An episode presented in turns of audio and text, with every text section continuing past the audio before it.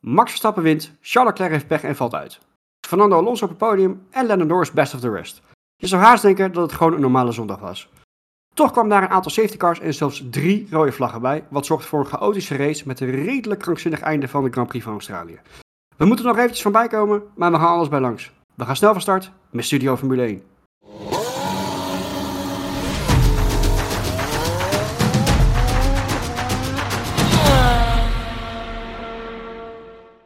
Dynamite, uh, net bijgekomen van een, uh, een, een, nou, vooral een krankzinnig einde, zoals ik al zei. Daar gaan we zo meteen bij stilstaan, want we kunnen uh, in ieder geval niet om de, om de finish heen. Maar we gaan toch een beetje een beetje chronologische volgorde gaan we het weekend door. En dan toch te beginnen bij de zaterdag. En dat is voor mij direct tijd om eventjes een aluminium hoedje op te gaan zetten. Want als je denkt dat je wel eens een keer een kutdag hebt, kijk dan eventjes terug naar de zaterdag van Sergio Perez. De derde vrije training was natuurlijk al dramatisch. En vervolgens gaat hij nog in de Q1 er gewoon af. Uh, waardoor hij uh, echt letterlijk een nou, Red Bull sandwich uh, forceert op de grid. Met Max Verstappen natuurlijk op pole position. Maar Danny Ricciardo was ook aanwezig. En die wil natuurlijk ook wel weer een stoeltje afdwingen. Dus zal die er wat mee te maken hebben gehad? Of gaan we dan weer helemaal de verkeerde kant op? Wow, Ga je nu al beginnen? Dat is echt heel ver gezocht. Ja? Nee, nee zonder gekheid. Um, um, die had echt, echt gewoon natuurlijk een rotdag. Nu geeft hij zelf natuurlijk uh, niet zichzelf de schuld. Dat doet geen enkele coureur. Zal er een kern van waarheid in zitten dat er echt wel met die auto aan de hand was afgelopen zaterdag? Of is het echt gewoon ook een beetje eigen te doen? Mijn, mijn gevoel zegt van wel. Ik heb ook de derde vrije training gekeken. Ik denk niet dat veel mensen die gezien hebben, want dat is een beetje een raar tijdstip. Of, dat is weer op jouw ja. tijden. Ja, daarom. ik heb wel gezien, nee, daarin zag je al dat Red Bull heel druk bezig was met sleutelen aan de auto van Perez. En bij het remmen ging het constant niet goed ik had echt wel de indruk dat daar iets niet klopte. En ja, in de kwalificatie uh, gaf helemaal Marco aan. Hij had het idee dat ze het verholpen had. Maar ja, Perez zelf zei van niet. Dus ja, dan wordt het een beetje wel eens of uh, wel eens niet een spelletje. Maar ik heb sowieso de indruk dat dat nog wel een dingetje is bij de Red Bull. Je hoort Max er ook wel eens over. Hè, bij downshift, dus terugschakelen en dan remmen. Dat hij af en toe gewoon blokkeert. Dus ik denk dat, het, ik, dat er wel iets speelde bij die Red Bull dat niet helemaal lekker in elkaar zat. Wat ik wel uh, raar van Perez vond. Het is je eerste vliegende ronde en je weet dat je zo'n training hebt gehad moet je er dan gelijk zo vol in vliegen. Ik weet niet of dat nou zo verstandig was. Plus het feit, het door de grindbak rijden, vond ik echt heel slemielig. ja. Dat, dat, dat vond ik wel het slechtste van hem. Ik ben het wel met Thomas eens. Uh, vrij training 3 heb ik zelf nog teruggekeken. Uh, uh, het klopt wat je zegt. Perez heeft volgens mij meer van buiten de baan gezien dan van binnen de baan. Het was een van de meest dramatische vrije training 3 die, die ik in tijden gezien heb van, van de Mexicaan. Maar wat jij ook zegt, als jij zo'n training gehad hebt, als jij geen vertrouwen in die auto hebt, moet je dan niet eens gewoon een, uh, en dan komt hij hoor, een bankerlap neerzetten. nee, wat lang niet meer gehoord.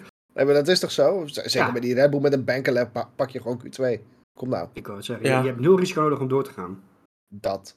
Ja, dus dat was niet heel verstandig. En Perez, uh, die wilde ook niet zeggen wat het nou exact was. Die zei, die zei van dat houden we intern. Dus ja, dat is, dat is dan een be beetje gissen. Met, het schijnt toch iets met die rembalans uh, te zijn die dan één keer naar voren schiet. Je hebt natuurlijk ook te maken met opladen van je systeem en dergelijke. Waarschijnlijk zit het hem uh, daarin. Maar, nou, maar die Red Bull had er dit hele weekend wel wat meer last van. Max ook de, tijdens de race nog, hè? Laten we het ja, ook niet vergeten. Hij heeft ook nog een momentje gehad. Ja, maakt ook nog een foutje. En hebben we in eerder race ook wel eens horen klagen over downshifts en met het remmen dat dat af en toe een beetje vreemd was. Dus de, de, de, hele theorie van Sky, of waar Sky op gehoopt was, had van hè, ze komen dichtbij, we krijgen een clash tussen die twee. Nou, daar kwam niks van uit. dat was al een putje na de zaterdag. Nou, verre van inderdaad. Dan ga ik toch direct even een klein bruggetje maken, in ieder geval mijn flop. Want kijk, eh, ondanks of het nou aan de auto lag of niet, het feit blijft wel wat hij op zaterdag deed, was inderdaad, en wat we nu zelf ook uh, constateren, was gewoon niet nodig. En daarmee heeft hij gewoon zijn weekend verknald. Weet je, laten eerlijk wezen. Uh, Melbourne kan je met de vier DRS-zones, waar we misschien zo even over kunnen hebben, kan je best lekker inhalen. Het ging hem niet heel fantastisch af. Ik had verwacht dat hij harder door het veld heen zou gaan snijden uh, vandaag. Maar feit wel dat hij gewoon zijn eigen kans heeft gegooid, onnodig. Uh, dus mij betreft echt mijn absolute flop. Mag je mee eens zijn, mag je niet mee eens zijn. Dat, I, I, stand, I rest my case. Maar goed, neem niet weg. We hadden op zich wel natuurlijk een interessante wedstrijd voor de boeg met beide Mercedes op de eerste, of op de tweede, derde plek. Max Stappen uh, natuurlijk pole position, al was het wel wat spannender dan we misschien van tevoren hadden verwacht. Vooral de Mercedes waren denk ik best wel uh, nou, onverwacht, denk ik. Ook voor hunzelf had ik het idee, of niet? Ja, en uh, het was ook een beetje een rare kwalificatie, denk ik. het geheim was gewoon wie krijgt die banden voor één ronde op de juiste temperatuur. En eh, Mercedes slaagde er heel goed in. Hulkenberg bijvoorbeeld ook, Albon. Daardoor kreeg je al een gekke kwalificatie. Dat was eigenlijk het verhaal denk ik, van het hele weekend. zag je later op de zondag ook wel weer terug.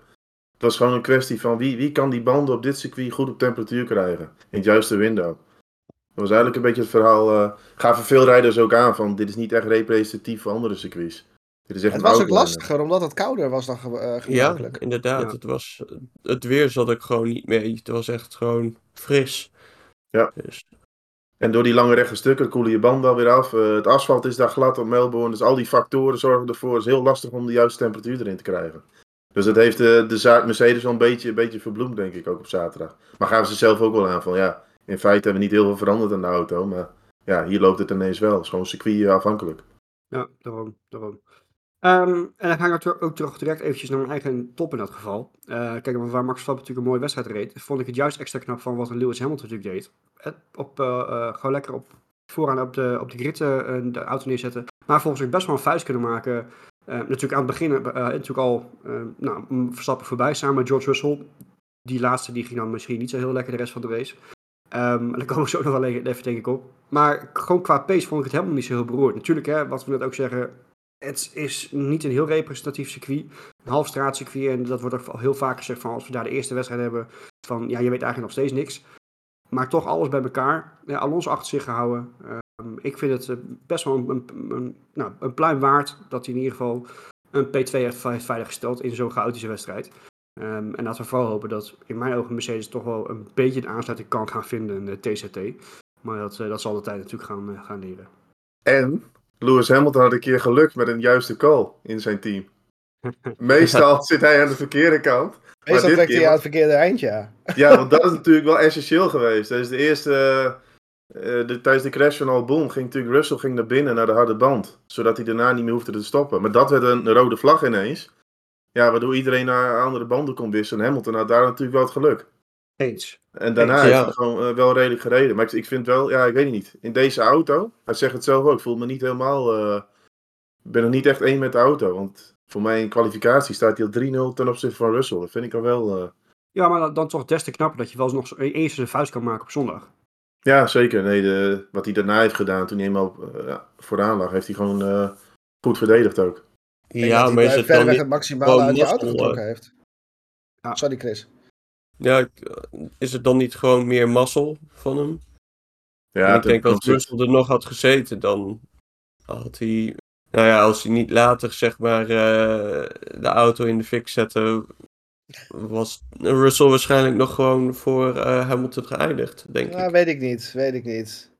Maar ja, dat is een beetje het verhaal van deze wedstrijd ook. Hè. Er gebeuren zoveel eh, dingen. Je moet, ja, af en toe moet je net een beetje het geluk aan je zijde hebben. Ja. En Maar- toch nog eventjes, eh, ehm, om eventjes, ervoor te, eventjes duidelijk te maken dat tradities toch eh, eh, de- blijven. Eh, Lewis Hamilton zegt eerste ronde, of op een gegeven moment op een ronde. En, en mijn banden gaan eraan, ik red het niet meer. En de volgende ronde pakt hij zelfs de ronde. Dus dat blijft gelukkig ook nog weer. Ja, dat, dat was wel mooi. Het was weer Altijd. hetzelfde liedje. Altijd. Ik zat op de lifetime te kijken, zag ik in één keer Paarse sector. Ik denk, ja hoor, dat is weer, het is weer de oude Lewis Hamilton. Oh, lekker aan bluffen. Ja, Of miepen. Of beide. En hij is Ja. heel erg bezig met Russell, valt mij op. Dat, die indruk heb ik echt. Ja, klopt, ben ik met je eens. Want het is Ja, constant van, wat, van wat doet Russell eh, bij, die, bij, die rode, bij die safety car al. Omdat eh, Russell was toen gestopt, was hij ermee bezig. En aan het eind was hij zo blij als een kind met de tweede plek. Maar ik denk echt wel dat het een beetje meespeelde dat Russell dan een nul score had. Ik denk van nou, dan sta ik in ieder geval weer voor het kampioenschap. Ik vind het andersom ook heel mooi. Russell trekt zich helemaal niks van Hamilton aan. Nee, dat vind ik dus ook. Die, is gewoon... die, die, is lekker aan het rijden, doet zijn ding. Hij, hij doet wel eens wat, maar het is, het is niet zeuren of wat dan ook. Nee. Op zich wel interessant dat je, dat je dit zegt, inderdaad.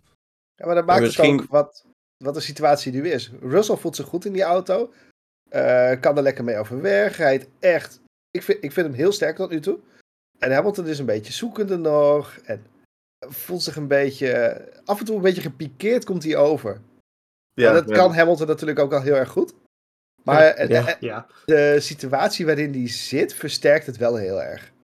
En, en ze geven elkaar wel eens een steek onder water. Want Hamilton had van de week in de media gezegd van ja, we zijn een seconde langzamer. Eh, we komen niet aan bij Red Bull. En toen had Russell na de kwalificatie, dat ze op 2,5 tiende zaten, zei Russell van ja, niet slecht met een auto die een seconde langzamer is. Het is wel een beetje... Ja, het zijn wel van die steken die ze elkaar een beetje geven. Dat, het is best wel een interne strijd nog, heb ik het idee. Nou, dat is prima. Ja, Ja. Hoor, zeker. dat lijkt me alleen nog- maar goed, inderdaad. Ja, voor ons als kijker is het leuk. Want eh, ja, als het een keer om de overwinning gaat, dan kan het wel eh, hectisch worden daar. Ja, dat gebeurt nog niet, maar dat eh, gaat hoogstwaarschijnlijk hopelijk toch nog een keertje komen. Ja. Oké, willen we gewoon door met top en flop? Want er is natuurlijk, ik denk dat we daarmee wel weer de hele race gaan, gaan bespreken. Inclusief eh, gokje het einde. Marco, Je overvalt me een beetje. hey, voorbereiding. Oh ja, nee, nee, nee, daar heb ik helemaal niet aan gedaan. Was er veel te vroeg voor, man. Hou op. Ehm, ik ga het, eh, nee, ik, eh, ik pak Nico Hulkenberg. Wat een supersterke race heeft, supersterk weekend heeft die man gereden.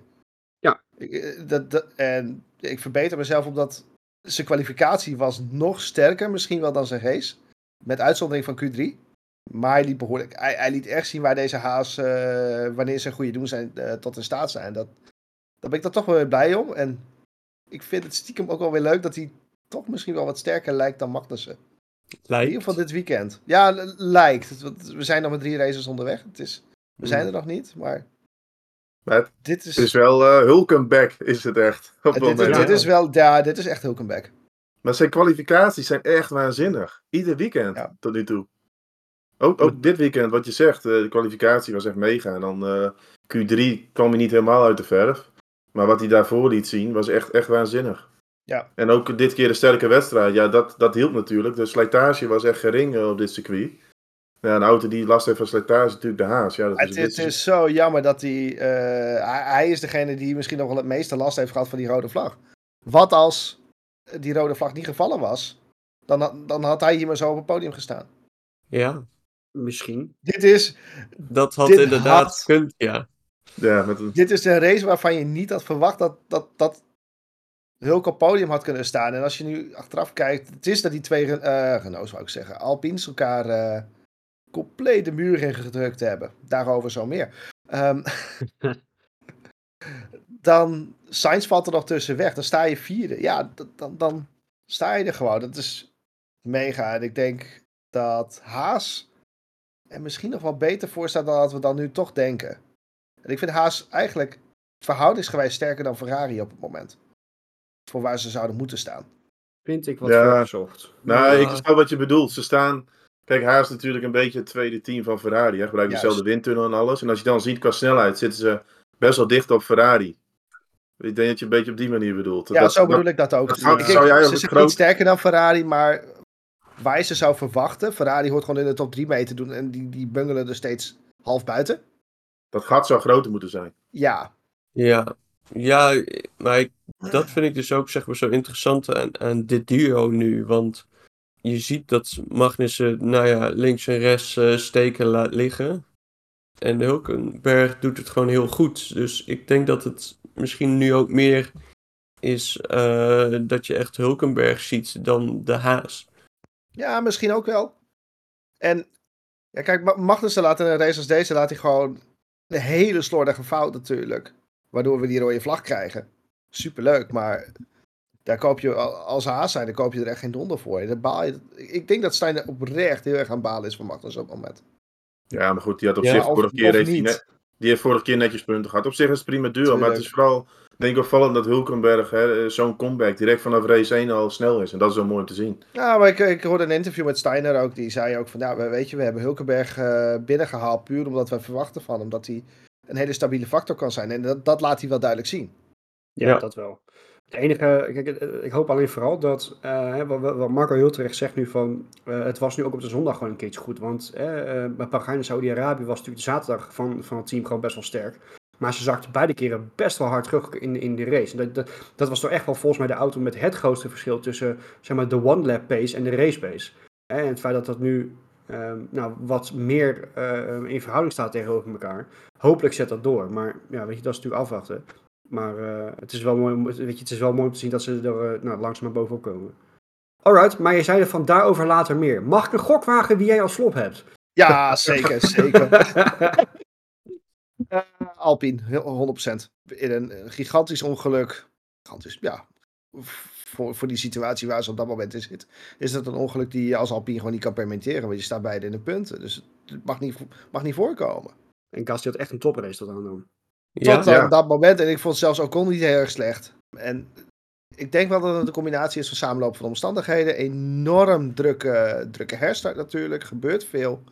Dode hoek waarschijnlijk. Maar ik denk dat je als Ocon zijnde vooral eieren voor je geld moet kiezen. En Gasly had misschien scherper kunnen zijn. Het is een situatie die gewoon niet mag ontstaan. Zeker niet met, als je op koers bent voor, nou ja, voor twee auto's in de punten, denk ik. Ja, maar dat Altijd is natuurlijk ook het verloop van zo'n wedstrijd. Hè. Kijk, in principe rijdt Gasly rijdt een hele sterke wedstrijd. Zat constant in de DRS-trein van Sainz, of, of zat in zijn DRS. En dan, ja, kijk, eh, dan komt het op die laatste twee ronden aan. En dan is het natuurlijk eh, alles of niets. En dan kies je geen eieren meer, meer voor je geld. En wat natuurlijk ook een rol speelde, het zag er een beetje uit als een stel amateurs die, de, die, die er Ja. in bocht 1 in gingen. Maar er zijn wel een aantal factoren. En eh, Verstappen hoorde ik daar ook over. De safety car richting de grid had een heel laag tempo. Dus de banden waren gewoon steenkoud. En wat je dan ook nog krijgt is hè, laagstaande zon. De zicht was misschien niet helemaal goed. Plus het feit, je hebt maar twee ronden. Dus ik denk al die factoren bij elkaar. Die zorgen er ook wel van dat het echt een puinhoop werd daar. Ja, ik denk tuurlijk. vooral Gasly. Gasly was echt de grote verliezer van dat gebeuren. Zeker. Die, die gooit eigenlijk eh geweldig weekend. In, ja, in, in één keer eh, in het putje. Boom. Ik vraag Ja, me af of daar nog wat, wat oud zeer tussen zit, tussen die twee, nu met zo'n zo'n crash als deze. Oh, dit doet de relatie niet goed, denk ik. nee, ik denk dat het vooral eh, een hoop nieuws hier eh introduceert. ja. Ja, Ocon Ja. heeft er wel patent op. Die heeft vaak in de clinch gelegen met teamgenoten in het verleden. Ja, Ja, Zeker, zeker waar. in roze auto's. eh, Misschien is vanaf volgende wedstrijd weer klaar. Ja, jij veel. ja. Maar het Ja, ik denk dat er inderdaad wel wat Franse scheld worden over, eh, over en weer. eh. Ik denk wel dat het positieve was dat het tempo van Alpine dit weekend wel echt prima was. Maar dat Ja. zag je bij meer teams. Alleen je hebt gewoon eh, het eind van de rit staan met lege handen. Dus je hebt er geen eh kloot aan, om het zo maar te zeggen. Nee, nee, Nee. klopt. Dat is een beetje het punt. Maar goed, dat is wel denk ik een flop waar we eh, geen discussie over hoeven te hebben. Eh, al zou je kunnen discussiëren van ja, Gasly had in principe een toprace, maar nou, weet je, eh, eh, het, het zij zo. Nou, Maar tot aan die start. Het stond niet bij mij op het lijstje voor tops. Maar Ja, ja, dat, bij mij- dat is dan in één Ja. keer pas. Boem, moet je hem afstrepen van je lijstje. Ja, zeker. Wegwezen. Zonde, zonde. Alright, Chris. Ja, ik, eh, ik ga beginnen met mijn flop. En dat was ook wel echt een eh, teleurstelling tijdens de race. Eh, want mijn flop is Albon. Die tijdens de zaterdag echt supergoed was. Die Williams ging als een raket. En ja, dat was schitterend om te zien. Vorig jaar natuurlijk ook. ja, was dat gewoon heel goed. op dit circuit. Maar ja, het het was gewoon jammer dat hij in diezelfde bocht, eh, een sector waar hij zo snel was, ja, zijn race ook weer weggooide. Hij was hem heel vroeg kwijt in die bocht. En eh, ja, ja dat, volgens mij eh, is hij denk ik zelf ook wel eens eh, met deze flop. eh. Ja, dat denk ik ook wel. Ja. Je zegt, ik heb wel een heel goed punt. Die, die Williams was vooral in sector 2 was die mega sterk. Die Ja. auto die loopt zo moeilijk hard op het rechtstuk. Mhm. Ik ik denk als dat zo doorgaat, dan gaan we een heel leuk Italiaans weekend eh, bij hun krijgen ook bijvoorbeeld. Ja, dat denk ik wel. ja, Ja, Vegas? Vorig jaar, vorig jaar ook al het geval. Ja. En die auto is overal ook gewoon echt wel beter geworden.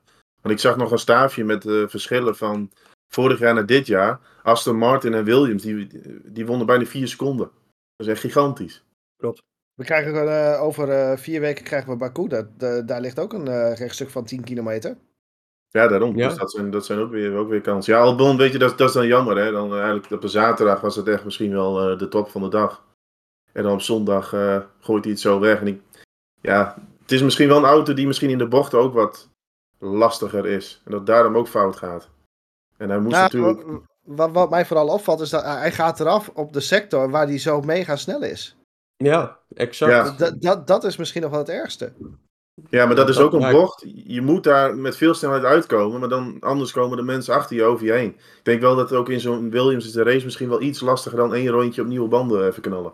Ja, dat zal ook wel. Dat Maar hij blijft doodzonde. Want ja, dat zie je. Dit is zo'n race. Er gebeuren veel gekke dingen. Dus voor die middenveldteams is dit natuurlijk, was dit een kans geweest. Ja, ja, absoluut. Ja, en dan hebben we nog eh, een top. En dat was wel lastiger. Maar ik, eh, ik ga voor Lando Norris. Die op zich eh, een goede race heeft gereden. Nou ja, met al deze crash uh, verstijnen komen ze goed mee weg, McLaren. Dus ja, ik heb er op zich ook niet zo heel veel woorden voor, maar ik had wel het idee dat hij uh, nou ja, goed bezig was. Ook in zijn conflicten met Hulkenberg is daar toch mooi voorbij gekomen. En uiteindelijk, ja, vooral ook mazzel gehad. Uh. Ja, ik, ik weet niet of het per se mazzel is. Ik, ik vond Norris vooral een vechtrace rijden. Ja. Waarin die steeds meer stukje bij beetje steeds verder naar voren aan het kruipen, uh, aan het kruipen was. En het gevecht met Hulkenberg was daarin misschien nog wel het hoogtepunt. Echt een heerlijk gevecht was. Ja, wat ik zeg. Ik vind nog steeds die McLaren, wat dat betreft.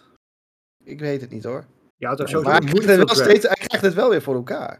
Ja, dat klopt. Maar je zag, je zag ook hier weer dat die auto echt moeilijk veel drag, drag heeft. Eh, op een gegeven moment toen, uh, in zo'n DRS-trein, dus Norris elke was hij wel op de verliezen, maar vloog hij gewoon tijd. Ja, ja. En dat blijft echt gewoon een pijnlijk punt van die auto hoor. Het is een auto die vrije lucht nodig heeft. En eigenlijk was dit zo'n weekend, kijk nu viel het kwartje wel een keer de goede kant op. De vorige wedstrijden was er constant uh, iets aan de hand. We hebben natuurlijk vorige keer op Piastri een hele goede kwalificatie had. Ja, verliest in de eerste, eerste ronde zijn voorvleugel. En met een McLaren kom je niet meer terug. En nu staat Norris er bij de start lekker bij. En dan het tempo van die McLaren is niet zo slecht. Dat is gewoon best wel prima. Ze moeten ja, je zag het in de DRS 3 wel. Ja, dus ze, moeten nu, ze komen nu met upgrades. Vooral Baku hebben ze wat uh, in, in, de pijplijn zitten. Eigenlijk zou je dan die drag wat moeten verbeteren. Dan is het helemaal niet zo'n verkeerde auto. Nee. In de, in de bochten gaat hij... Laten. Ja. Nee, in de bochten gaat hij wel redelijk uh, oké. Okay. Alleen ja, nu nog de rechte lijnsnelheid wat meer vinden. Zodat je niet, als je een keer op achterstand komt, dat je nog terug kan komen. Ah, maar dit, dit was... Terecht, wel... de bochten oké. Bij het uitkomen naar DRS-zone 3 heb je die, heb je die uh, hele snelle chicane. Daar kwam Norris standaard beter uit dan Hulkenberg. Dat viel ja. op. Waardoor ja, hij hem uiteindelijk uit de DRS-zone kon hij hem opeens pakken. Ja. Ja. En dat moeten niet vergeten. McLaren staat nu gewoon vijfde in de constructeurskampioenschap. Zo snel kan het dan gaan, hè? Ja, ja klopt ook. Staat natuurlijk helemaal in zak en as. En nu uh, ja, vijfde. En ze komen dan met flinke upgrades in Baku. Dat, dit, dit seizoen, dat, uh, dat kan nog prima verlopen voor McLaren, denk ik. Ja, nou ja, ik, ik denk wel dat dat zeg maar een geluk nu is met hoe de race geëindigd is. Als die twee Alpines hadden gezeten nog, uh, dan was het weer heel anders. Zag het ja, er heel anders uit. Er waren nu veel punten voor het oprapen, veel kruimels die er in één keer lagen. Ja, Russell valt uit en Leclerc, heb je twee Alpines erbij. Ja, als die er normaal voor zitten, wordt lastig, maar dit is een gouden kans. Zeker weten. Maar goed, ik heb wel het, gewoon een sterk weekend van, van uh, de papaya-auto's. Last but not least, Thomas. Ik denk dat jij alweer wat uh, uit de hoge hoed tovert. Nee, dat valt wel mee. Oh. Weet je wat het namelijk is, Roy? Het race draait uiteindelijk gewoon om het winnen. En er was maar één man die gewoon uh, weer als eerste over die streep kwam. En dat was Max Verstappen. ja, uiteindelijk gaat het daarom. Maar nee, Max was voor mij sowieso wel de top. Want uiteindelijk, uh, ja, het ziet er altijd wel weer makkelijk uit. Alhoewel had er ook nog een, een momentje, misschien de starts die niet helemaal geweldig waren. Maar Red Bull had op dit circuit ook niet een gigantische voorsprong. Dat je, moet het, je moet het nog wel even doen, als het ware. Mm want, want, dat is ook, kijk, kijk Perez, eh, of uh, Roya Perez dan als flop. En, want Perez reed ook niet zomaar door het veld heen. En ook niet qua snelheid. Dus weet je, ik denk dat Verstappen hier ook wel weer een beetje extra gaf. Dat het allemaal wel weer, wel weer goed kwam. En wat ik nog wel mooi vond trouwens, was hij natuurlijk op een gegeven moment dat foutje, dat hij eh, van de baan schiet. En wat zie je de volgende ronde? Snelste raceronde. Ja. Dat is wel echt zo'n Max Verstappen move. Ja, klopt, klopt, Maling aan, dat gaat niet in zijn kop zitten. Die volgende ronde is gewoon weer stampen, hop, paas. Ja, dat vond ik ook wel weer mooi. Ja, aan de andere kant, dan ga je misschien ook toch weer afvragen, was hij gewoon dan daarvoor aan het controleren? Ja, dat, dat, vermoed ik wel. Denk ik wel. Want uh, kijk, Max is ook wel slim. Die, uh, op het eind kun je natuurlijk nog die snelste raceronde pakken ja, dan probeer je natuurlijk die banden en alles probeer je goed te houden voor, de, voor die slotfase, denk ik. Ja, maar ik vond het ook wel mooi zeg maar, dat stuivertje wisselen met, uh, met Hamilton met die snelste ronde. Ja. Dat zag je ook wel, uh, dat het omste beurten zeg maar de een of de ander was. Dus dan uh, dat hij daar toch nog weer wat uit probeert te halen. En in ieder geval zeg maar ook de afstand te bewaren tussen de twee auto's. Ja, klopt. En het was een gouden dag voor Verstappen uiteindelijk. Kampioenschap technisch heeft hij echt hele goede zaken gedaan. Natuurlijk. Dat, dat, dat kon gewoon niet beter. En uh, ja, gewoon op, naar, op naar, die, uh, naar de volgende titel. Nou, nou, even. We hebben nog 20, 20 wedstrijden te gaan, hè? Ja, dat weet ik wel, Roy. Maar eh, weet je, ik, ik spring in de sloot als hij geen kampioen wordt. Of er moet een been Nou, gebroken dat eh, klinkt wel... Ik, ik doe met je mee. Staat Ja. bij deze op, veel, op film en op, op, band. Ja, nee. Ja. Maar Verstappen is gewoon onder alle condities altijd goed. Dat, is, eh, dat vind ik nog steeds wel echt mooi om te zien. Ja, eens. En, dan, en we hebben natuurlijk vorige keer de inhaalrace van Verstappen gehad. En ik weet wel dat dit was een ander circuit. Red Bull was misschien niet zo sterk. Maar als hij in de positie van Perez had gezeten, had hij zeker twee, drie plekken nog verder naar voren gezeten. 100%. Ja, 100%. Weet je, dan zie je gewoon het verschil tussen echt eh elite, elite rijder en eh, ja, wat ik altijd over Perez zeg, een subtop en CQ middenmotor. Dat verschil is echt wel groot tussen die twee. Al moeten we natuurlijk wel erkennen, de manier waarop Perez sommige moves maakte, was natuurlijk wel magistraal. Hè? Ik bedoel, bij bocht 9 en 10, dat je daar hem op zo'n manier ernaast zet. Ehm, ja, dat doet Max Verstappen ook wel, ja dat zal best. Maar het was wel echt eh, huge cojones in die auto.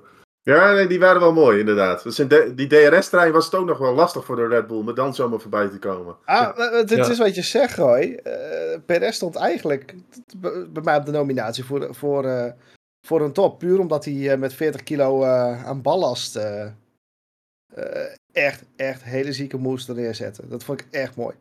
Logisch, logisch. Maar ik blijf erbij, hij heeft gewoon zelfs een weekend verknald. Dus. Nee, nee, dat, dat Ja. volledig, met je, volledig met je eens. Maar ik snap je, ik snap je heel goed. Oké, en dan gaan we negatief afsluiten, Thomas. Ja, we gaan er toch weer negatief uit, helaas. Nee, eh, flop was voor mij een beetje Ferrari. In zijn geheel. In zijn geheel, ja. Want ik Hmm, vond gewoon, ehm, op dit circuit had ik zeker meer van, Ferrari verwacht.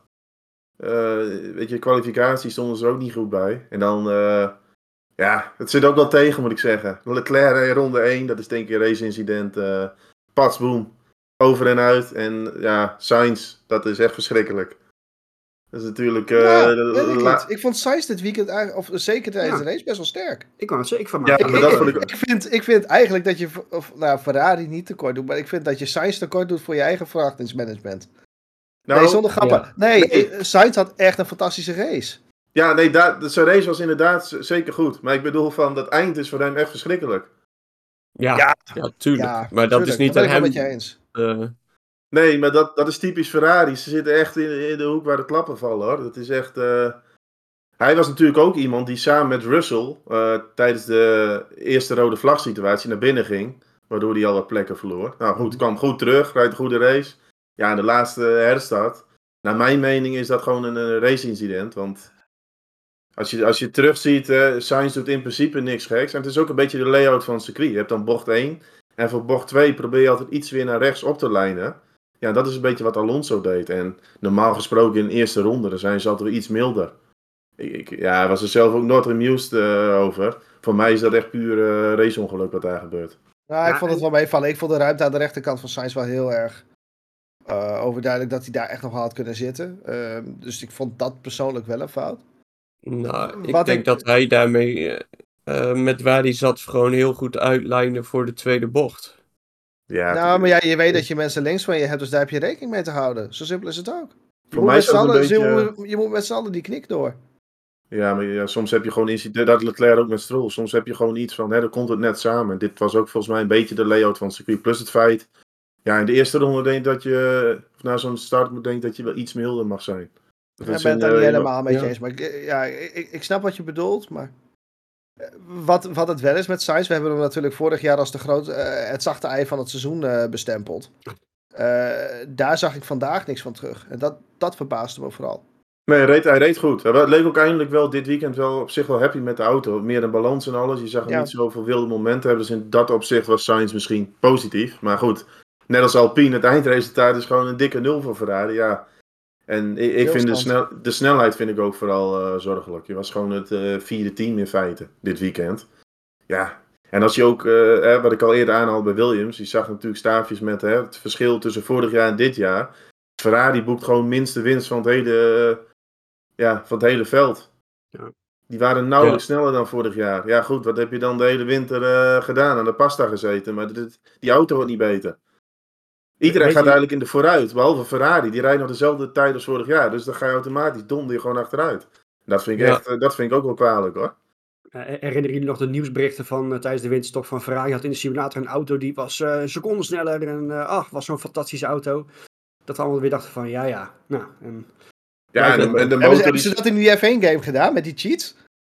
Ja, griphack.exe, ja. Ja, precies. Ja, en, de mo- en de motor zou betrouwbaar zijn. Nou ja, dit weekend zijn bij de klantenteam zijn uit voorzorg de motoren gewisseld. Dus ook, eh, nou goed, we weten het verhaal klaar.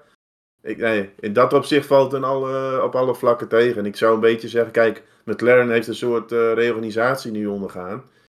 Ik zou zeggen, Vasseur, eh, dit seizoen is klaar. Lekker reorganiseren en zorgen dat je de goede mensen straks op de juiste plekken hebt. En van daaruit doorbouwen. Dit Nou, wat je daar zegt, ik, eh, wat je daar zegt, Thomas, dat eh, ik, ik denk dat ze daar al lang en breed mee bezig zijn. Op het moment dat je Vasseur aanstelt, je gaat die effecten pas een half jaar later zien. Dus ik Ja. denk, weet je, je, je kan van Vasseur niet verwachten dat je aan het begin van het seizoen eh, nu al grote verschillen gaat boeken. Dat wil niet, want alles zit nog in het stramien van onze, ben de naam zelfs kwijt, van onze brilsmurf. Binotto. Ja, Binotto. Ah, Binotto, dank je. Ehm, dus dat is niet heel erg gek. Bij, mijn, mijn verwachting is dat je pas na de winter of eh, zomerstop zult zien dat de dingen opeens gaan veranderen bij Ferrari. En dat ze dan pas de lift in zullen. Ja. Ik denk misschien nog wel later hoor. Ja, misschien Ja, nog wel Ja, ik later. verwacht maar ook je- dit, jaar. Ik weet ook niet. Nee, maar Maar- ik denk ook niet dat het hoeft. Maar dat kunnen ze ook beter gaan doen op een gegeven moment. Kijk, eh, qua punten staan ze er wel slecht voor. De auto is gewoon eh, ja, niet goed genoeg. Dus ik, ik denk in dat opzicht dat je gewoon eh, dit jaar als een Ja, soort tussenjaar moet beschouwen. En eh, van daaruit weer bouwen hopelijk. Want dit is niet, eh, niet geweldig. Als je al het vertrouwen in Vasseur hebt, dan zoveel mogelijk geld in volgend jaar pompen in plaats van in dit jaar, denk ik. Ja, ja, want Ja. zeker met die budgetcap, hè, dan moet je natuurlijk moet je schuiven met geld. Dus kun je beter alles op volgend jaar zetten. Helaas, voor de Ferrari-fans. Waaronder Ja. ik. Zeker, zeker. Ja. Ik wil eventjes twee andere dingetjes toch even aankaarten. De ene is eh, natuurlijk de, de, het, het einde. Daar komen we zo meteen wel eventjes op. Maar eh, daarnaast ook eventjes, wat vonden jullie van de manier van DRS in deze race? Je had eh, vier DRS-zones. De vier is natuurlijk helemaal echt een, record. Eh, wel maar met twee detectiepunten. Aan de ene kant snap ik hem wel, aan de andere kant is misschien wel te veel van het goede. Ik ben benieuwd hoe jullie er eigenlijk eh, over denken. Ik vond het onnodig veel. En je zag het voornamelijk, zeg maar, nou ja, bij Perez, die dan zeg maar met eh, DRS voor eh, bocht 9, 10, zeg maar, of naast of, of voorbij de auto gaat en daarna nog een keer DRS krijgt en dan gewoon vertrekt van nou, eh toedels. en ja, daarmee haal je ook wel een beetje de angel uit het conflict. Ja, maar je hebt ook wel weer de kans om op een, een soort van terug te knokken bij de volgende. Ja, niet dus, want die auto Nee, bij de zeg volgende maar, twee. maar, begin DRS had, als Ja. hij voorbij is, dan is hij ook weg. Ja, Ik ik zou bedoel- tussen drie en vier verschillende detectiepunten gedaan hebben. Ja. Ja, Midden in die chicane. Maar ik denk nog steeds dat dat lastig te implementeren is. Puur door ook wat, je, bijvoorbeeld- wat we nu al jaren in Canada bijvoorbeeld zien. Ja. En daar roepen we ook al jaren hetzelfde. En het gebeurt maar niet. Ik, ik denk dat het oprecht gewoon een technisch dingetje is dat het lastig eh, goed En- te implementeren is, gok ik. En kijk, het verhaal Perez is ook zo. Die rechte lijnstelling van de Red Bull is zo gigantisch. Dat überhaupt met de Red Bull zie je veel circuits. Die blazen er zo voorbij. Maar ik denk, kijk, Australië was in het verleden altijd wel van. Hè, er werd bijna helemaal niet ingehaald. Ja, goed, dan met vier zones. Maar dan gebeurt er nog wel wat. Want eh, gevecht Hamilton, of eh, Hamilton, Hulkenberg, eh Norris was bijvoorbeeld wel leuk om te zien. En anders Ja, was dat gewoon treintje rijden. Dus weet je, al met al denk ik wel, eh, wel positief dat dit zo gegaan is. Ah, nou, maar waar ik wel aan zit te denken is... hè, Verstappen pakt Hamilton op, eh, hè, op dat hele lange stuk.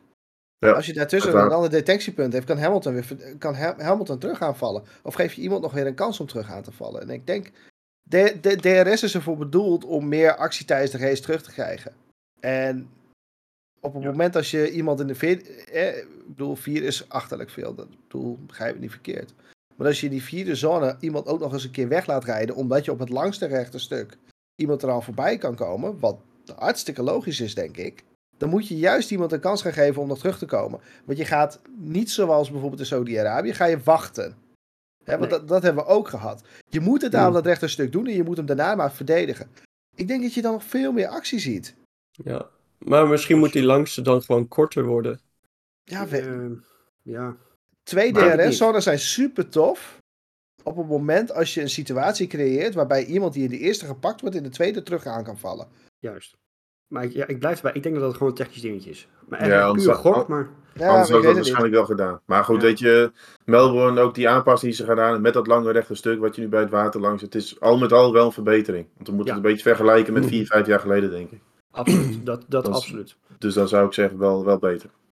En wat een leuk bijkomend puntje was, vond ik in ieder geval, omdat je dus vier zones hebt, maakt het de DRS vaak ook nog iets krachtiger. Wat, wat ik er meer mee bedoel, is dat heel veel teams toch voor een nou, redelijk uh, hoog downforce pakket zeg maar, gingen. Uh, hè, omdat je toch die DRS hebt om aan te kunnen haken, om terug te kunnen knokken. Dus dat maakt het ook wel weer interessant dat je toch heel andere auto's ziet dan dat je normaal gesproken op dit circuit dan zou zien. Maar dat, uh, goed. We kunnen natuurlijk onze aflevering niet afsluiten zonder het over de afsluiting van de race te hebben. Ik zit me vooral af te vragen dat we niet te veel richting ja, de Amerikaanse wedstrijden uh, moeten gaan. Hè. In NASCAR heb je natuurlijk het hele uh, ding overtime. Want in NASCAR willen en moeten en zullen ze onder groen eindigen, wat er ook gebeurt. Uh, dat idee krijg je hier op een gegeven moment ook wel een klein beetje nu. Je hebt natuurlijk uiteindelijk wel gewoon een safety car finish gehad. Volgens de commentatoren van F1 TV, puur voor de foto's. Dat je een, een echt een, een fatsoenlijke finish hebt. Um, maar wat, wat, wat, wat vinden we ervan? Sowieso natuurlijk al de regel dat je banden mag wisselen tijdens de eerste rode vlag. Of ja, überhaupt als een rode vlag, maar in dit geval natuurlijk vooral voor de eerste. Ik snap op zich waarom, ze, waarom het mag. Want hier wordt het in principe natuurlijk gezien als een nieuwe, echt een nieuwe start. Maar aan de andere kant, het, het haalt zo erg die angel uit die wedstrijd. Want daarna, met alle respect, was het niet heel spannend tot aan uh, de tweede rode vlag. Het is een noodzakelijk kwaad. Dat is wat het ja. is. Ja. Je, je Ja, kan ja. het eigenlijk niet zonder, maar je wilt niet met. En daarmee bedoel ik vooral dat je kan niet zonder het toestaan dat je dingen mag vervangen, of mag repareren, of mag sleutelen. Uh, maar je wilt niet met, omdat het eigenlijk een deel van, hè, wat jij zegt, de angel uit de wedstrijd kan halen. Alleen een rode vlag situatie ontstaat vaak doordat er een crash geweest is. Vaak ook rotzooi op de baan. Dan wil je je banden kunnen wisselen. Ja, je wil niet opeens de- daarna met, met een lekke band opeens van start moeten gaan. Dan, dan is je Ja, hele race dat, is toch, dat is toch te controleren. Doe het dan, sta toe uit veiligheid op het moment dat echt aantoonbaar jij Ja, maar hoe ga je, hoe ga je dat reguleren? Dat is Ja, dat te is, het wordt dan te Ja, als het gecompliceerd. daadwerkelijk lek is, dat kun je Precies. wel eh, reguleren. Ja, maar het wordt toch gecompliceerd. Want als je op het eind nog een rode vlag krijgt, dan krijg je natuurlijk dat, dat dan nog een banden gewisseld moet worden. Maar ik denk, de, de policy is nu gewoon, eh, wat Roy zegt, kijk, de Amerikaanse, ja goed. Die markt wil eh, de F1 natuurlijk ook op. Dus zie je denk ik gewoon, je ziet gewoon meer Amerikaanse dingen terug. Je ziet sneller een safety car, sneller rode vlag. Ja, dat is ook, kijk, de teams hebben ook aangegeven, hè, van we willen niet onder de safety car finishen. Dus ja. Maar goed, de meningen zijn wel verdeeld. Want als je de rijders hoort, Max Verstappen vond het helemaal niks. Dat kon je aan alles wel merken. Alonso was er ook niet echt heel blij mee. Ja, maar Max voelde zijn overwinning gewoon in gevaar komen. Nou, maar hij heeft ook, voor het, ook tijdens de persconferentie al gezegd over de sprintweekenden. Van, daar is hij ook niet zo van. Dus weet je, die verandering die Liberty eh, voor ogen heeft, daar is Verstappen sowieso niet zo heel happig op. Dat kun je in meerdere commentaren wel lezen. Ja, dat is denk ik ook een beetje, kijk, als jij als Amerikaan naar de sport kijkt, dan zeg je, yo, geweldig, eh, laat maar komen die herstart. Ja, en als Europeaan zijn we denk ik ook iets anders gewend. Dus ik denk dat daar ook een beetje... eh, Ik vind dit zo raar. We lopen jarenlang te zeuren dat F1 te saai aan het worden is. Dat het allemaal te, te berekend wordt. Dus we gaan nu dingen doen die nou ja, meer spanning de wedstrijd in helpen. En dan gaan we opeens roepen dat het niet leuk meer is omdat het zogenaamd gemaakt wordt. Als je meer spanning wil, moet je het zelf maken, denk ik toch? Ja, daarom zijn er ook er zijn heel veel Mm. verschillende geluiden. Het publiek vond het ook mooi, dat kon je wel merken. Dus ja, het is een beetje denken hoe je erin staat. Ik, ik, ik- in- in persoonlijk, dat- denk ik, persoonlijk denk ik dat ze hier deze race echt de beste keuzes gemaakt hebben die ze hebben kunnen maken. Die eerste rode vlag, daar had ik mijn twijfels over of dat het nodig was. Omdat ik dacht dat het alleen maar om grind ging, maar er was veel meer godzooi op het circuit. Waardoor nou ja, heel veel lekke banden, et Ja, cetera, et cetera. Nou Ja, maar goed. Weet je, daar kan je over discussiëren. Maar die tweede was, was hartstikke logisch, denk ik. Dat is En... Je had prima ik met de virtuele daarna- al gekund, ja. Nee, nee, nee, nee, nee, zeker niet. Zeker niet. Waarom niet? Ja, maar dat is ook dat, dat ze willen niet meer onder die safety car eindigen. Dus dan was sowieso die rode vlag dan het meest. meest maar eh, ik vind eigenlijk een rode vlag een heel goed middel om een race weer opnieuw te herstarten. Ik vind safety car fix, ik vind safety car, achter safety car starten stiekem veel minder. Ja, Ja, kijk, dus dat, dat dat, betreft dat is denk ik ook een beetje smaak. Kijk, de- zoals Alonso, die is opgegroeid natuurlijk met, met hoe Formule 1 was. Ja, die, die zal daar zeker aan moeten wennen. Hè, van eh, hoe of wat, eh, dat we nu in één keer zulke dingen krijgen aan het einde. Wat- Nou, en als je inderdaad die onder safety car wil eindigen, is een rode vlag perfect. Krijg je nog een race, ga- krijg je een beslissing. Nou, rechtvaardigde de race zoals die dit weekend was hem ook wel heel erg, omdat de gaten sowieso heel erg klein waren. Ja. Ja, maar wat ik wel zeg maar vind, zeg maar, wa- wat je nu ziet, en zeker omdat je die rode vlag situatie in die herstart, dat vind ik op zich prima. Maar je ziet, omdat het nu zeg maar letterlijk in de laatste ronde gebeurt, dan, ja, dan weet je gewoon dat dat gewoon één grote clusterfuck wordt. En Ja. dat de mensen op En daar zijn ze allemaal zelf dat- bij. Zijn ze zelf verantwoordelijk voor. En dat Ja, is ook, het- dat is ook waar, waarom ze vaker safety cars rode vlag. Kijk, uiteindelijk zorgt het voor meer eh, chaos, meer actie, meer entertainment. En dat is natuurlijk de kant die ze op willen. En zeker, kijk, dat speelt echt wel mee, denk ik. Kijk, ze willen die markt in de VS eh, veroveren. Ja, die vinden dit allemaal mooi. En als er dan nog dikke klapper bij is, dan is het nog extra mooi. Ja, is dat, vinden ze dat echt mooi? Stel, stel nou dat we vanochtend dus bij ronde 57 eh, een rode vlag dat we hadden gezegd van we plakken er nog drie rondes bij aan. Nee, Wat? dat niet. Dat, maar dat maar doen dat- ze dus bij NASCAR wel. Ja, maar in NASCAR vinden ze dat toch mooi? Dan staan ze allemaal op de bank en als er dan nog tien man afgaan. Dat is, ja, maar dat is wel hoe het daar gaat. In, ja, dat, dat, dus ik denk, ja, je zult er ook aan moeten wennen in dat opzicht. Ja, maar we hoeven geen NASCAR te worden. Nee, daarom. Dat, dat vind ik dan ook weer. En kijk, eh, dat het wat spannender mag. eh, tuurlijk, daar ben ik het mee eens. Maar je moet er niet zeg maar onnodig risico voor gaan nemen. Ik denk op het moment dat je merkt dat de safety car situatie langer dan twee of drie ronden zal gaan duren, afkappen, rode vlag, herstart. Doe dat. dat, dat daar was nu ook wel sprake van, dat was perfect. Alleen respecteer wel het aantal rondes in een race. Dus op het moment, als het tot het einde loopt, zoals we dit weekend ook hadden, prima. Laat hem dan onder safety car uitrollen, want je hebt gewoon die 58 ronden. Dus dan heb je niet dat NASCAR, oh, we plakken er nog drie rondes aan vast, want... hey, Nee, maar dat, Maar dat je- kunnen ze ook niet doen. je, maakt, je, je creëert wel wat meer een situatie waarbij het denk ik nog steeds eerlijk is voor de rijder. Want je maakt eigenlijk een start maak je gewoon nog belangrijker voor de rijder. Moeten ze maar beter in worden. Zo, zo kan je er ook naar kijken. Waar heb je invloed op? Ja, ja, maar kijk, je, zeker na, na vandaag en die laatste herstart zie je ook zeg maar, dat nu een eh Gasly eruit knipt, terwijl hij een hele goede race had. Ja, Dus is hij dan nog word steeds je uiteindelijk... Weet niet, ik Het heb wel het idee dat je daarvoor gestraft wordt nu. eh. Ja, vond- dan wordt, die wordt je tweede herstart was gestraft. wel heel chaot- chaotisch. Ja, uiteindelijk wordt het een element van een wedstrijd. hè. Dat is een ding. En ja, kijk, de race verlengen en alles kunnen ze niet doen. Want je zit natuurlijk hè, met je brandstof. Je, je mag niet bijtanken en alles. Dus dat, dat, dat is een ding. Dat kan in NASCAR wel. Daar, daar zit een heel groot verschil. Ja. Wat ik echt wel een punt vind is, eh, en dat gaf Russ ook een beetje aan. Het is inconsistent naar mijn idee. Eh, de ene keer is het virtual safety car, dan is het safety car. Het was een rode vlag bij Albon. Zover ik op dit moment weet, was er niks met eh bandenstapel en dergelijke aan de hand. Dan zou je normaal gesproken gewoon een safety car verwachten en dat ze de troep opruimen en weer door. En kijk, als rijder en als teamzijde baseer je daar wel een strategie op. En ook het einde van de race, ja, vorig jaar Monza was het weer een safety car einde. Dus ik denk wel daarin dat ze wel echt één lijn moeten hanteren. En ook een stukje hè, safety car virtual, dat moet misschien wel beter beschreven worden. Wanneer is iets eh zus of wanneer is het zo? Ja, daar ben ik met je eens. Want dat vind ik compleet random. Als je dan Eh, keuzes gaat maken om vaker bijvoorbeeld te gaan herstarten onder rood, moet je wel weten wanneer je er als team zijn aan toe bent. En ik denk dat daar het pijnpunt vooral ligt. Ik denk niet Dat de ook. keuzes die daadwerkelijk gemaakt worden, of dat er een herstart plaatsvindt twee ronden voor het einde van de race, dat is het denk ik niet. Het is meer op het moment, hè, hè, Albon gaat eraf, iedereen gaat naar elkaar zitten kijken van wat gaat er nu eigenlijk gebeuren. En niemand weet het behalve, nou ja, een, een handjevol stewards. En, en dat maakt het voor andere rijders en voor teams maakt het zo oneerlijk. Om, hè, dat zag je met die eerste eh, klapper ook. Russell gaat naar binnen. Ronde later, bam, plat. Enorm genaaid. Als je die regels nou duidelijker maakt, zodat iedereen weet waar hij of zij aan toe is, kijk dat je daarmee zoveel, onder, zoveel gezeik ondervangt. En daar zit het hem in. Dat hebben we een aantal jaren geleden ook gehad. De interpretatie van het regelboek van F1 is soms zo onduidelijk en soms zo gaar. Klopt. En dat maakt het wel heel jammer en ook heel lastig te volgen. Ook voor juist nieuwe fans. Want ze willen nieuwe fans aantrekken. Maar dan moet je dat soort dingen Tuurlijk. juist niet gaan doen. Mhm. Ik vind, hè, we, we hebben een aantal keer NASCAR genoemd. NASCAR is het gewoon spin eraf. eh, safety car totdat de boel opgepoetst is en dan gaan we weer. 95% van de crashes is safety car. Nou, dan weet iedereen waar ze aan toe zijn. En dat zijn dingen, weet je, daar houden ze ook echt van tevoren gewoon rekening mee. Van we weten dat er sowieso één of twee gaan komen. Hè, dus dat- Precies. En dat moet je eigenlijk hier ook hebben. Je moet rekening kunnen houden met wat, voor een, wat een situatie gaat brengen. En, en dat is er op dit moment niet. maar Maar ik snap wat je bedoelt. in het algemeen, dit is gewoon eh, de verandering van de sport die het gewoon eh, ondergaat. Dat we dus meer van dit soort, soort finishers gaan krijgen. We hebben natuurlijk nog een paar stratencircuits, ja. Dan kun je ook maar eh, zomaar zoiets verwachten, denk ik. Het was wel weer Ja. toevallig dat Michael Masi erbij was, hè? Als Michael Masi er is, dan krijgen we toch weer een gekke finish. Het ging weer om ronde 58. Oh god.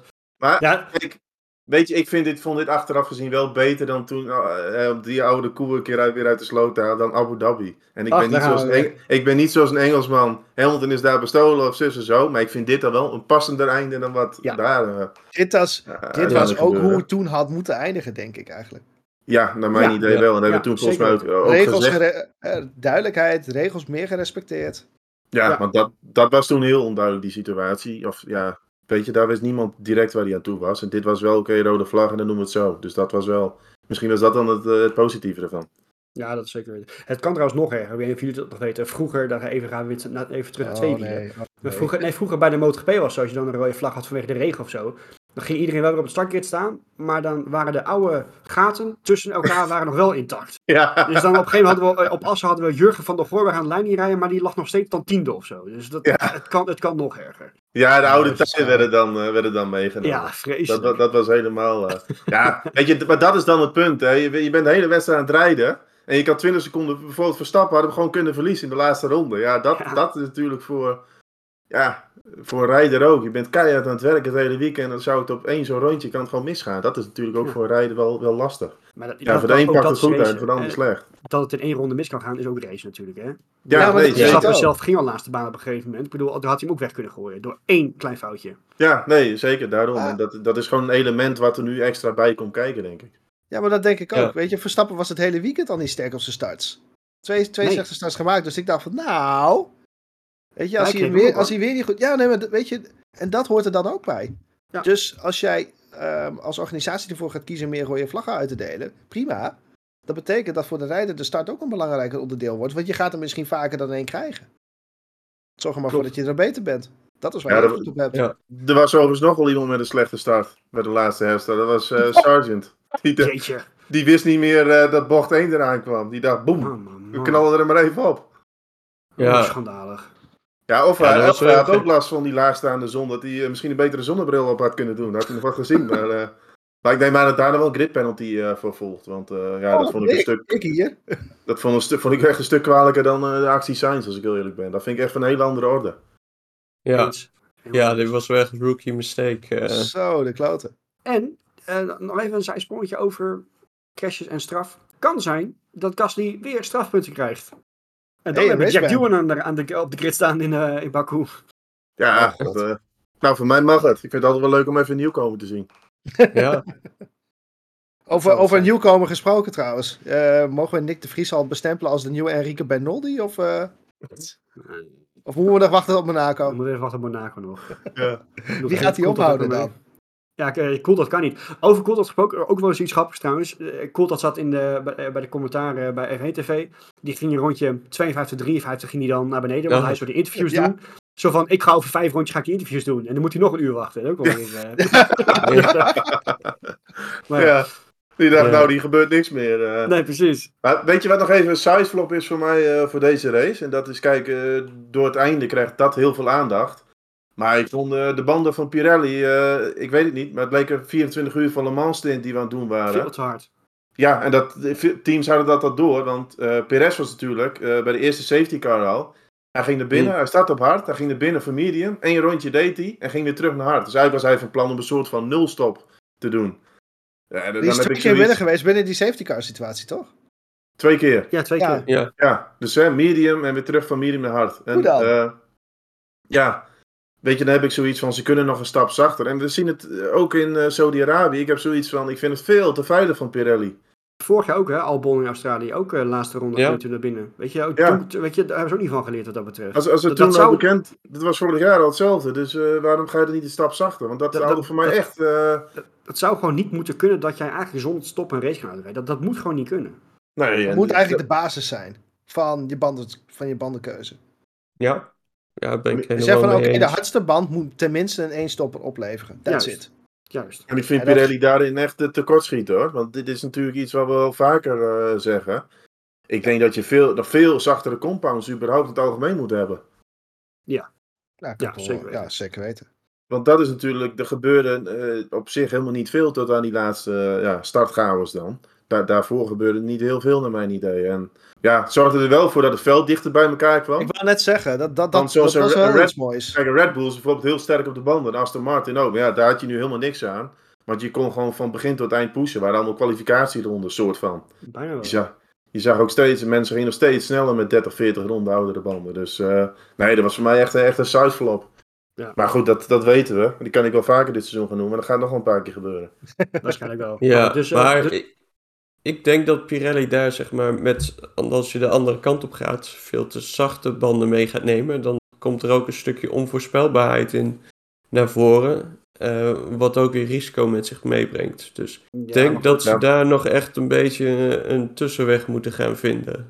Maar Ik, ik, ik snap wat je zegt. Alleen het ding is wel zoals nu. Ze, ze hadden ehm, de, de één na zachtste eh, trio hadden ze bij zich.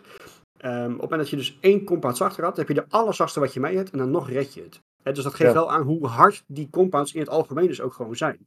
Kijk, je Ja. moet ook, Mhm. ook op Monaco, als jij op Monaco op die soft rijdt, ook dan moet jij minimaal één stop maken, maar eigenlijk als gewoon kan twee. Maar ook op die allerzachtste band kan je Monaco ook in principe ook gewoon bijna uitrijden. Ja, maar dus- dat is meer een probleem van Monaco. Maar ja, tu- tuurlijk, maar dat, dat is natuurlijk echt een extreem voorbeeld waar je vroeger die, die hypersoft had of zo, weet ik veel. Ja, maar dat vond ik wel beter. Ja, Ja. daarom, die gingen wel stuk. Stuk, maar... Hè, Want het eh, is hier had je nog twee. Grand Prix. Je kunt deze banden, die kun je volgend jaar weer onder die auto zetten. En dan kun je er nog een race mee uitrijden. Weet je, dat, eh, nee, dat, dat vind ik wel, slecht. Tja. Ja. Ja, joh, maar goed. Weet je, dat, eh, dit- en wat Thomas zegt, dit, dit, dit zullen we waarschijnlijk vaker aanhalen. Dit, dit blijft dit jaar ook. En dat is erg jammer, maar goed. Dus eh, Mario, als je luistert, vertaal dat even naar het Italiaans en eh, eh, doe er wat mee. Maar eh, dat eh, het zal wel niet. En volgens mij de race wel weer een beetje gedekt. Eh dat heel veel gezegd over het einde, maar dat eh, is, is logisch. Maar ook dat we waarschijnlijk wel vaker gaan discussiëren dit jaar. Maar goed, weet je, dat, eh, het is wel een, een ergens een welkome aanpassing of een verrassing, maar dat, je zal er altijd een, een discussiepunt van, van kunnen blijven maken. Smaken verschillen. Daarom, dat is ook, zo, is ook zeker waar. Voordat we gaan afronden, voordat we een lentestop ingaan, want zo kan je hem eigenlijk wel een beetje noemen. We gingen natuurlijk eigenlijk eh, volgend weekend zouden we ons gaan klaarmaken voor eh, de Grand Prix van China. Eh, eh, dat wordt er niet onbekende redenen. Dus we gaan pas over een maand, een maand gaan we naar Baku. duurt lang. Eh, het duurt heel lang. Eh, wij gaan in de tussentijd gaan we ook eventjes dan een, een lentestop eh, doen. Maar voordat we daar naartoe gaan, hebben jullie nog een nabrandertje voor nu? Ik heb er twee. Oh jee. Als eerste vond ik dit een onkarakteristieke, spannende en chaotische race van Australië. Zeker. Het was Maar, vaak, wel een ta- als je de- vaak toch wel een tam, tamme race, maar altijd wel weer spannend omdat het vaak de eerste race van het seizoen is. Maar het was nu echt een hele leuke race. En ten tweede voor de mensen die nog wat motorsport willen eh, in de lentestop. Rally gaat ook weer van start over drie weken. Aanrader, Kroatië. Oh ja. J- jij hebt genoeg te kijken, Marco. Zeker maar- weten. Er is Nee, en weet voor- je, Albert Park met dat publiek en alles. Weet je, dat, dat was nog steeds. Ik heb het shirt ook aan, Albert Park. Nee, eh, qua sfeer vind ik dat wel echt. Waar we natuurlijk in die zandbak geweest zijn nu twee keer. Dat vind ik, dat, dat vind ik ook wel iets moois hebben. Maar sowieso die fans daar, want je, op vrijdag waren er al meer mensen dan een heel weekend in Saudi-Arabië, weet je wel? Dat, Dat is fantastisch, man. ja, dat, zegt toch eigenlijk genoeg. Het, he- het hele plaatje daar is nog steeds echt, eh, echt mooi. En ja, het circuit eh, zorgt er dit keer ook voor voldoende actie. Ja, zeker weten, zeker weten. Mooi. Gaan we afronden, mannen. Dan eh, gaan we eventjes lekker eh, pauze nemen en dan eh, zien we elkaar weer als we gaan vooruitblikken op de Grand Prix van China. Wel nog even een kleine disclaimer. Baku. Eh, eh, Ba- Baku, sorry, China je dus niet. Goed zo. Kippen er maar uit, maakt niet uit. Nee, ehm, wel even een, een kleine disclaimer. Er is natuurlijk nog wat een, een en ander under investigation. Haas heeft geprotesteerd tegen het, het resultaat van de race. Eh, Gasly heeft natuurlijk eh hang mogelijke raceban boven het hoofd. Sainz zal ook nog wel protesteren, heeft hij misschien al gedaan. Ehm, het is momenteel, eh, wat is het, eh, kwart voor één middags. Dus we zijn er zelf op tijd bij. Dus daar is nog niks over bekend. Maar we hadden ook geen zin om daarop te wachten totdat het misschien wel bekend zou worden. Eh, want dan kan je misschien wachten tot je in ons weegt. En dat is ook wat overdreven. maar dan weten we dat alvast. Dus ofwel Jack Doohan heel veel succes in eh, Baku. Of Hulkenberg gefeliciteerd met je podium. Ik heb geen idee wat er dan misschien kan gebeuren. Maar we gaan dat, dat weten jullie dat in ieder geval alvast. Voor nu gaan we afronden. Dank jullie mannen voor de aanwezigheid, voor de leuke, voor de leuke show weer. Luisteraars, verder bedankt voor het luisteren. Kijkers bedankt voor het kijken. En tot de preview van de Grand van Baku.